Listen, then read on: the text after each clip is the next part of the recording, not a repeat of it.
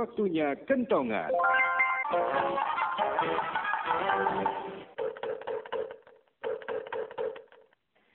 Ada masih mendengarkan program 1 RRI Kupang FM 94,4 MHz dan AM 1107 kHz. Ya, pendengar seperti informasi beberapa hari yang lalu yang terkait dengan 13 daerah di Provinsi Nusa Tenggara Timur yang saat ini berstatus awas ancaman kekeringan meteorologis dan seperti apa analisisnya. Kita sudah terhubung dengan Climate Forecast Stasiun Klimatologi Lasiana ada Pak Hamdan Nurdin. Selamat malam Pak Hamdan. Selamat malam Pak Fongki. Bagaimana kabarnya? Sehat, Alhamdulillah. Gimana Pak Fongki dan teman-teman di RRI? Sehat semua mudah-mudahan. Iya, sehat, sehat puji syukur. Ini Pak Hamdan lagi WFH atau WFO? Uh, saya kebetulan dinas uh, siang Pak. Jadi dapat shiftnya shift siang. Oke okay, ya. deh, baik.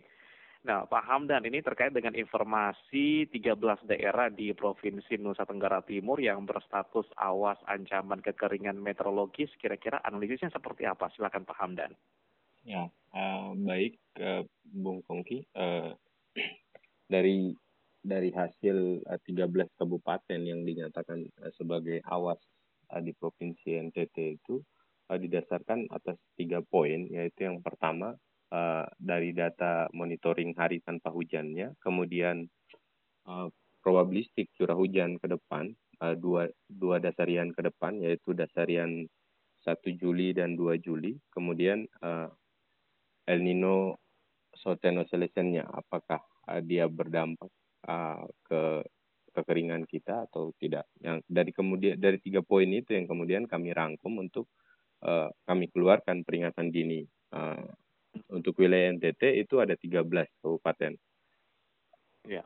Hingga saat ini uh, kondisi di wilayah NTT pada umumnya uh, dari monitoring hari tanpa hujannya sudah berada pada kategori uh, panjang yaitu 21 sampai 30 hari tidak pernah hujan. Kemudian uh, sampai dengan kondisi uh, ekstrim panjang Bung Pongki yaitu di atas 60 hari sudah tidak ada hujan. Artinya sudah melebihi dari dua bulan wilayah-wilayah tersebut tidak terjadi hujan.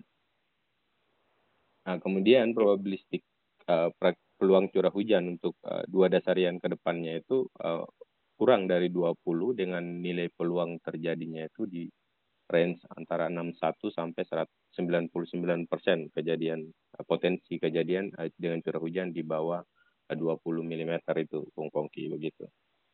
Jadi untuk 13 daerah ini ada tersebar di wilayah Nusa Tenggara Timur yaitu Kota Kupang, kemudian juga di Belu, Kabupaten Kupang, Flores Timur, Lembata, Manggarai Barat, Ngada, Sika, Saburai Jua, Rotendao, kemudian Sumba Tengah dan Sumba Timur. Dipastikan bahwa uh, daerah-daerah ini uh, memiliki kondisi hari tanpa hujannya lebih dari 61 hari ya? Ya, uh, kalau secara secara umum uh, wilayah kabupaten yang tadi disampaikan oleh Bung Fongki ya uh, ada Alor, kemudian Belu, Flores Timur, Kupang, Kota Kupang, Lembata, Manggarai Barat, Ngada, Rotendao, Saburai Jua, Sika, Sumba Tengah dan Sumba Timur. Namun di beberapa dari 13 kabupaten ini uh, ya. kami lihat secara detail lagi yaitu misalnya seperti di Alor, di Alor yang uh, berada dalam kategori ekstrim panjang atau kategori awas untuk kekeringan meteorologisnya itu ada di wilayah Pantar Barat uh, dan Pantar Barat Laut, wilayah Kecamatan Pantar Barat dan Pantar Barat Laut. Kemudian untuk Belu itu ada di Kecamatan Lasiolat. Uh, yang banyak ini yang di wilayah Sumba Timur. Wilayah Sumba Timur itu ada hampir uh, kurang lebih 10 kecamatan seperti Haharu, Kahungayeti, kemudian Kambatama Pambuhang, kemudian Kambera, Kanatang, Katala, Katalahamu, Lingu, Kota Waingapu, Lewa, Lewat Tidahu, kemudian Matawai Lapau, kemudian Gau Riangu, Pandawai, dan Pinupahar, serta Malulu. Gitu, Bung Pongki. Jadi uh, tidak secara serta merta bahwa wilayah kabupaten kota tersebut yang disebutkan di awal itu menjadi wilayah yang berpotensi kekeringan. Namun secara detail kami kami jelaskan di uh, di perkecamatannya. Jadi tidak tidak serta merta kabupaten tersebut wilayah uh, wilayah, tapi punya potensi untuk ke sananya. Oke. Iya. Nah, kalau dari kabupaten kota yang tersisa ini bagaimana nasib mereka? Apakah uh, mereka tidak sampai mengalami kekeringan uh, ekstrim panjang atau seperti apa? Ya, untuk yang uh, beberapa wilayah kota lain di di NTT itu ada berada dalam kategori siaga yang uh, berpeluang terjadi pada update uh, informasi hari tanpa hujan pada dasarian 1 Juli atau awal Juli di tanggal 10 nanti itu bisa berpotensi uh, naik nih uh, kondisi dari kategori siaga menjadi awas juga. Ini ini yeah. perlu di perlu diwaspadai juga. Jadi uh, untuk wilayah-wilayah yang sekarang berada pada kategori siaga uh, bisa jadi berpeluang besar juga mem, uh, berada pada kategori awas pada uh, monitoring berikutnya pada tanggal 10 nanti, 10 Juli nanti, Bung Kongki begitu. Jadi okay. Jadi, Jadi bisa, ini perhitungannya bisa. perhitungannya yaitu 60 61 hari ya untuk kondisi hari tanpa hujan. Siap. Setelah kita akan masuk dari uh, status awas kekeringan meteorologi ini atau ekstrim panjang ini nanti untuk uh, beberapa bulan ke depan seperti apa lagi kalau bisa diprediksi? Uh, ber, seiring dengan uh, periode musim kemarau saat ini uh, di wilayah NTT, maka ber, berpeluang besar di 20 Eh, satu kabupaten kota ini punya dampak yang sama sebenarnya terkait kekeringan meteorologis. Tinggal uh, kalau dari kami, kami prediksinya bahwa puncak musim kemarau itu ada di bulan Agustus tahun 2021 yang kemudian uh, akan berdampak pada wilayah-wilayah uh, kekeringan meteorologis di di di luar 13 kabupaten kota tadi, Bung Fongki begitu. Oke, oke. Jadi kita berarti sudah melewati puncak. Oh, belum ya? Kita baru baru baru iya, baru betul. menuju. Baru menuju oh, puncak okay. musim kemarau. Oke, okay, berarti uh, bulan depan ya. Ya. Dipastikan ini kita akan uh, masuk di puncak uh, kekeringan. Nah, dampaknya bagi masyarakat seperti apa khususnya untuk uh, wilayah-wilayah di Nusa Tenggara Timur 21 kabupaten kota ini Pak Hamdan? Ya. Uh, dampaknya sebenarnya bervariasi nih uh, untuk wilayah-wilayah misalnya kita bahas tentang kota Kupang maka yang dibahas tentu bukan ya, dampak kekeringan meteorologis dari perspektif uh, pertanian tapi uh, lebih ke kurangnya uh, kapasitas air baku yang yang dibutuhkan kota artinya uh, iya. stok air uh, air tanah kami air tanah di kota itu cenderung uh, menurun ya menurun dari normalnya. Kemudian kalau untuk wilayah lain seperti Kabupaten Kupang uh, itu uh, kompleks lagi, mulai dari air baku hingga uh, irigasinya. Itu akan akan berdampak sana uh, jika di jika sudah tidak ada hujan di atas 61 hari tersebut, Bung Kongki. Jadi sebenarnya uh, impact-nya itu lebih lebih lebih berbeda setiap uh, setiap wilayah. Gitu. Iya, jadi kalau kita yang berada di wilayah kota untuk uh, kondisi air bakunya menur menurun gitu ya. Tapi Sedangkan, iya. kalau ya. di nah, kalau di beberapa daerah yang lain ini berdampak pada pertanian ya. Iya. Begitu Bung Hongki. Jadi sebenarnya uh, lebih ke tapi pada intinya uh, akan uh. akan bermuara pada pembicaraan uh, ekonomi. Jadi uh, income outcome-nya juga jadi ini dari kekeringan meteorologis ini akan berdampak pada uh, segala aspek sebenarnya begitu. Oke oke. Nah biasanya kalau di puncak uh, kekeringan seperti nanti yeah. bulan Agustus nanti, apakah ini juga berpengaruh pada suhu udaranya? Ya, uh, kemudian uh, kita kaitkan lagi dengan kondisi uh, itu kita bisa bilang uh, indeks indeks kenyamanan lah ya. Yeah. Uh, jadi uh, kenyamanan warga uh, di di periode musim kemarau uh, Gerak semu matahari ini kan berada di wilayah uh, belahan bumi utara Bung Kopi. Jadi sebenarnya uh, panas itu lebih lebih lama lebih lama terjadi sinar matahari itu ada di belahan bumi utara uh, seperti uh, Inggris, Kanada, kemudian uh, Pakistan dan sebagainya. Sedangkan wilayah NTT itu lebih cenderung uh, lebih cepat waktu uh, waktu siang harinya. Artinya uh, dengan begitu kondisi suhu udara di wilayah kita itu cenderung dingin pada malam hari Iya. Namun cenderung terik juga pada uh, siang hari.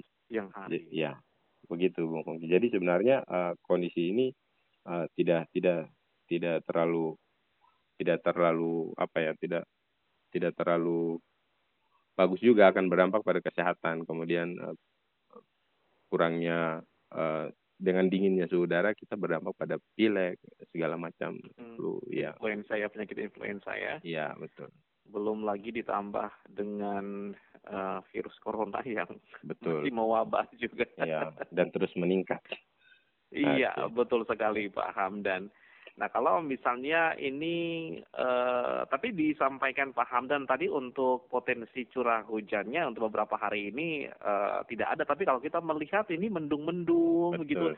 Bahkan kemarin sempat terjadi gerimis di beberapa titik. Contohnya kemarin saya mendapat informasi dari pendengar di wilayah uh, Kolbano gitu. Kemudian ya. beberapa daerah lagi bendungan itu juga uh, bendungan ya sekitar bendungan Tilong juga terdapat hujan rintik. Nah ini bagaimana nih? Ya, uh, dua uh, sebenarnya kejadian ini sudah dari bulan Juni uh, bahwa memang ada pertumbuhan konvektif yang cukup lumayan banyak dari uh, laut uh, laut NTT, laut Pulau Timur, Pulau Sumba, yeah. kemudian laut Sabu itu juga uh, mempunyai memberikan sumbangsi yang tinggi uh, uap air dari wilayah-wilayah perairan tersebut. Uh, kemudian kita lihat lagi dari pergerakan anginnya, anginnya sudah konsisten timuran, namun di tiap lapisan yang kami pantau itu mulai dari uh, lapisan konvektif pertumbuhan awan-awan hujan itu itu cenderung uh, ada tabrakan ketika pada periode Juni sampai dengan awal Juli kemarin. Oke. Okay. Uh, itu yang kemudian uh, berdampak pada uh, peningkatan konvektif yang yang konstan di atas wilayah uh, NTT yang kemudian uh, sampai terjadi hujan. Akan tapi hujan tersebut masih berada di bawah kategori uh, normal musim kemarau kita. Jadi sebenarnya kalau kita bicara musim kemarau bukan berarti stagnan langsung kering gitu, tidak. Tapi sebenarnya memang masih ada konvektif, namun uh, pergerakan dari uh, angin timuran tersebut yang identik dengan periode musim kemarau itu uh, yang kemudian menjadi uh, trigger utama kita untuk uh, menentukan bahwa wilayah wilayah kita itu sebenarnya sudah musim kemarau. Akan tetapi ada anomali sedikit uh, di periode akhir pertengahan hingga akhir Juni itu yang kemudian meningkatkan curah hujan pada pada bulan tersebut hingga awal Juli beberapa hari yang lalu begitu Bung Fongki. Oke, baik. Terima kasih. Pak Hamdan, kita uh, rehat dulu ya. Kita dengarkan dulu sebuah lagu dari Ari Lasso. Indonesia pasti bisa, NTT pasti bisa melewati kekeringan di saat ini.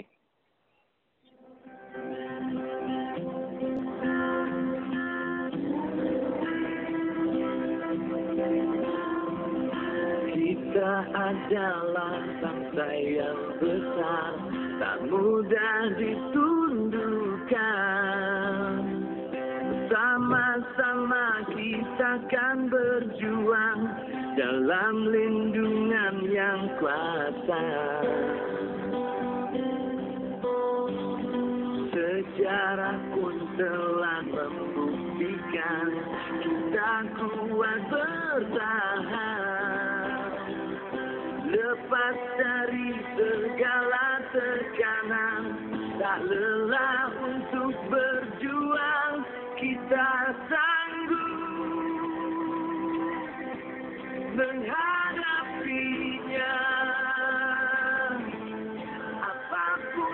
yang terjadi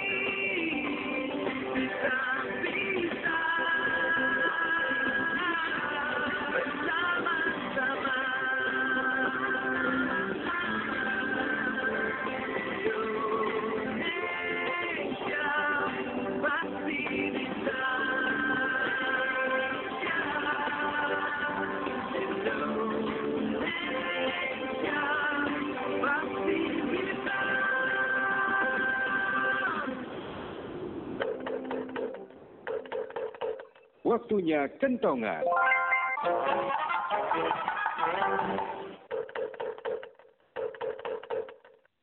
Ya, Anda masih di Kentongan bersama dengan Pak Hamdan Nurdin, Climate Forecast dari Stasiun Klimatologi Lasiana. Pak Hamdan, Ya, Bung Hongki.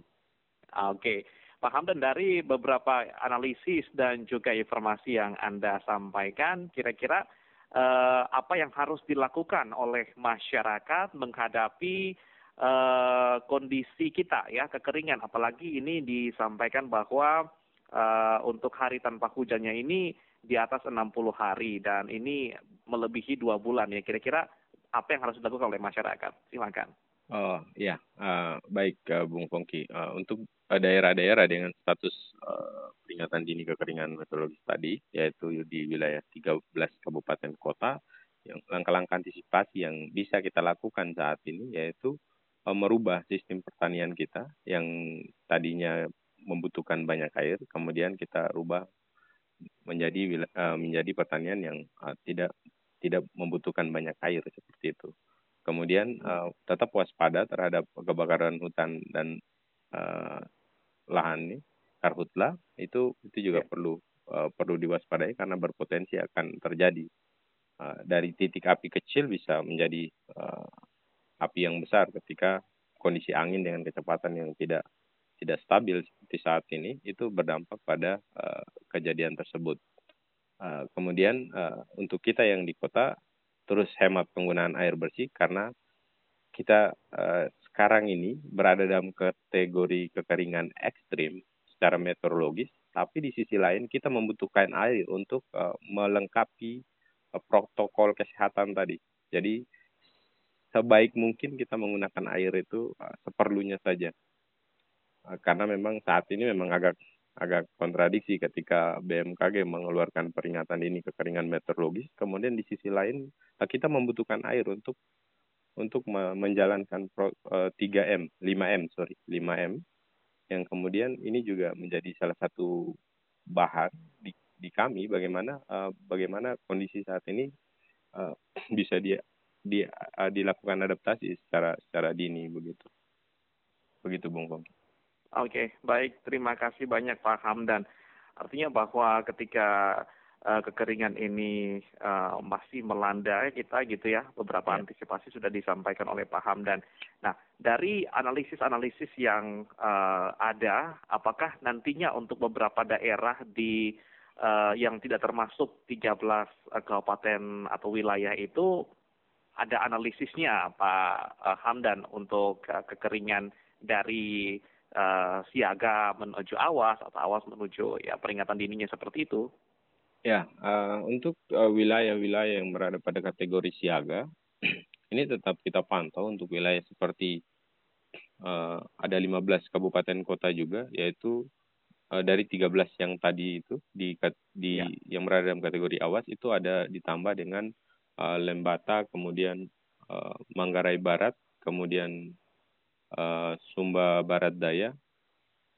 Nah, ini juga berpotensi terhadap eh, pergerakan konvektif yang saat ini terjadi uh, pada wilayah-wilayah tersebut yang kemu- kemudian berdampak pada uh, berubahnya da- sistem peringatan dini ini dari uh, siaga kemudian menjadi awas. Jadi uh, punya peluang besar di di 10 hari ke depan ketika updating dilakukan oleh teman-teman di stasiun klimatologi Kupang pada tanggal 10 Juli mendatang itu bisa berpotensi pada wilayah uh, lima, ada 15 jadi ada penambahan dua kabupaten kota di NTT yang kemudian masuk pada kategori awas. Dengan wilayah 13 kabupaten kota dengan penambahan wilayah kecamatannya makin meluas. Itu juga Bung Pongki jadi sebenarnya dalam satu kabupaten yang tadinya dua kecamatan kemudian akan berdampak pada bisa menambah empat kecamatan uh, di wilayah kabupaten tersebut. Begitu Bung Pongki. Oke, jadi kalau misalnya di beberapa kabupaten ini saat ini cuma ada satu kecamatan ya, betul, tapi betul. nanti untuk beberapa hari ke depan ini dia akan berapa ya? kayak makin meluas, uh, makin meluas lagi ya. ya, bukan hanya satu kabupaten lagi, tapi bisa bertambah dua menjadi tiga gitu ya. Betul Bung Pongki. Ya. Oke, jadi nanti uh, untuk informasi update berikutnya di tanggal 10 Juli ya? Ya, begitu Bung. Tanggal 10 Juli akan kami update dengan data monitoring HTH yang yang sebelumnya uh, kami sudah lakukan, kami updating. Jadi updating informasi iklim ini secara berkala yang kami lakukan saat ini, yang paling cepat itu adalah 10 hari. Uh, jadi dengan dengan 10 hari itu kita bisa lihat perkembangan wilayah-wilayah mana yang terjadi hujan, kemudian wilayah-wilayah mana yang berpotensi terhadap kekeringan meteorologis ini, Bung Pong. Oke, artinya bahwa apakah dari 13 kabupaten atau wilayah yang tadi disebutkan itu dia nanti pada saat peringatan di peringatan berikut peringatan uh, dari pantauan berikutnya selama 10 hari ke depan itu dia bisa berubah-ubah atau dia tetap statis seperti itu? Dia akan berubah uh, uh, berdasarkan karena dinam atmosfer ini kan tidak tidak tidak maksudnya tidak tidak konstan dia atmosfer ini ya. uh, dia uh, dalam beberapa waktu bisa berubah jadi kemungkinan uh, uh, wilayah-wilayah yang tadi sudah masuk siaga bisa berpeluang terjadi berada pada turun turun kriteria menjadi waspada. Jadi dia tidak tidak maksudnya tidak terjadi hujan di di wilayah tersebut di bawah eh di di ya di atas 21 hari. Jadi dia masih dalam kategori yang cenderung aman untuk uh, dengan kategori waspada tersebut. Tapi ada bisa berpeluang juga dengan uh, naiknya status dari siaga menjadi awas. Uh, ketika probabilistiknya menentukan bahwa wilayah tersebut berpeluang curah hujan di bawah 20 mm dengan uh, peluang probabilitasnya itu terjadi sangat besar gitu. Jadi bisa bisa turun kriterianya bisa naik kalau secara ini uh, peringatan dininya. Berarti tidak konstan ya Pak ya? Betul. Dia bisa berubah-ubah ya? Iya, sesuai dengan atmosfernya. Kalau atmosfernya lagi uh, karena kita biasa bilang labil unlabil gitu. Jadi kalau dia okay. ya kalau Jadi bukan hanya bukan hanya bukan perasaan, perasaan labil, betul. tapi cuaca juga labil ya. Betul, udara juga itu labil dan uh, un unlabil gitu. Jadi dia galau juga sebenarnya. Kemudian uh, itu yang berpeluang kemudian berdampak pada tadi yang saya bilang gangguan gangguan adanya hujan di awal Juli kemarin itu karena udara labil kita itu yang tidak tidak konstan. Jadi dia seperti uh, ya galau-galau tapi kemudian jatuh sedikit gitu hujannya oh, gitu. Jadi bu bukan perasaan saja yang labil tapi atmosfer juga uh, labil. Atmosfer gitu. juga labil ya. Oke, okay, baik. Waktu itu juga sudah habis nih Pak Hamdan. Terima kasih banyak sudah sharing ya terkait dengan uh, beberapa daerah yang masuk kategori awas untuk bencana kekeringan uh, meteorologis ya. Ya, terima kasih banyak Baik. juga Bung Pongki sudah memberikan ruang dan waktu. Baik, salam untuk teman-teman semuanya di stasiun klimatologi Lasiana. Terima kasih Bung Pongki. Selamat malam. Salam jaga kesehatan ya Pak Hamdan. Selamat Terima malam. Kasih. Salam sehat Bung Pongki.